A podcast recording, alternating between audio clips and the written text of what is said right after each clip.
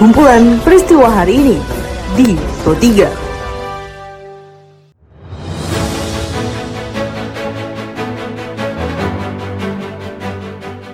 Halo pendengar, saat ini Anda sedang mendengarkan kumpulan peristiwa Pro 3.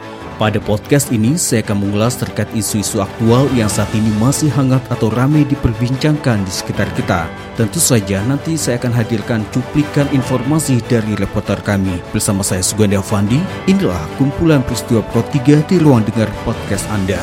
Pendengar, sebelum saya masuk ke dalam beberapa isu aktual yang akan saya hadirkan sesaat lagi, saya mengundang Anda untuk mampir ke laman berita kami di rri.co.id anda juga bisa follow Instagram, Twitter, serta Facebook kami di @rri Programa 3. Baiklah pendengar, inilah kumpulan peristiwa Pro 3. Petugas keamanan desa adat atau pecalang di Bali menyatakan siaga satu pasca teror bom di gereja katedral Makassar. Identitas pendatang diperiksa secara ketat. Dilaporkan oleh reporter kami Putri Nirawati dari Denpasar.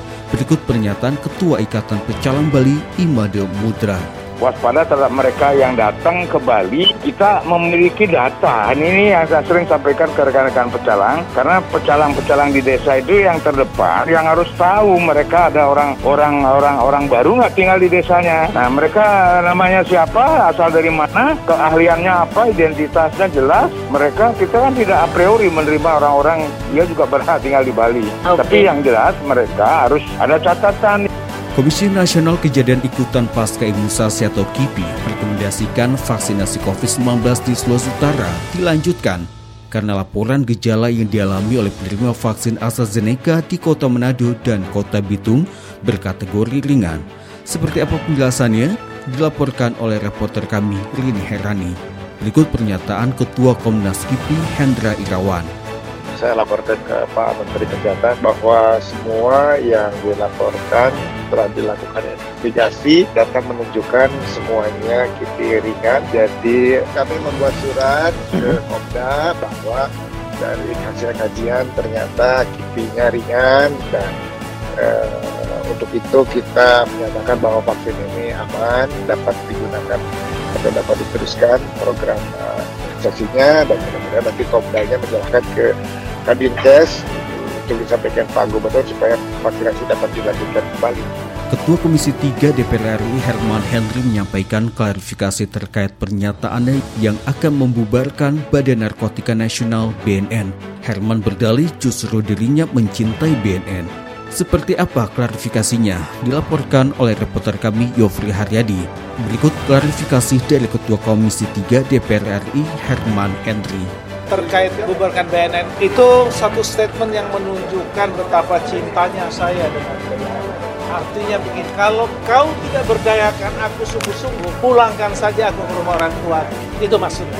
Jadi kalau pemerintah tidak betul-betul menguatkan BNN, menguatkan itu dari arti legislasi, anggaran, infrastruktur.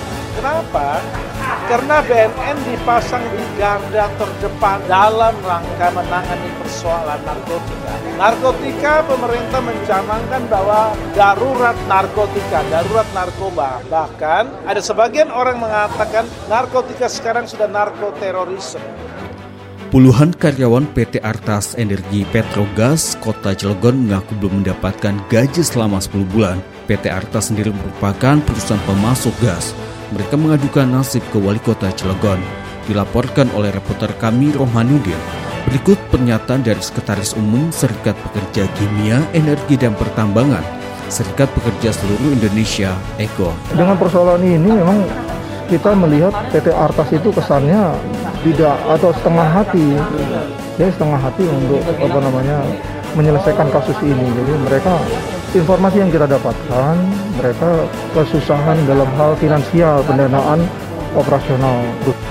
Baiklah pendengar informasi tadi sekaligus mengakhiri perjumpaan kita pada podcast edisi hari ini. Anda masih bisa mendengarkan podcast edisi hari ini dan Spotify dengan hanya mengetik RRI Pro 3 di kolom pencarian. Tetaplah menjaga jarak dan tetaplah berada di rumah. Saya Sugandi Avandi bersama editor Rima Diasti untuk diri sampai jumpa.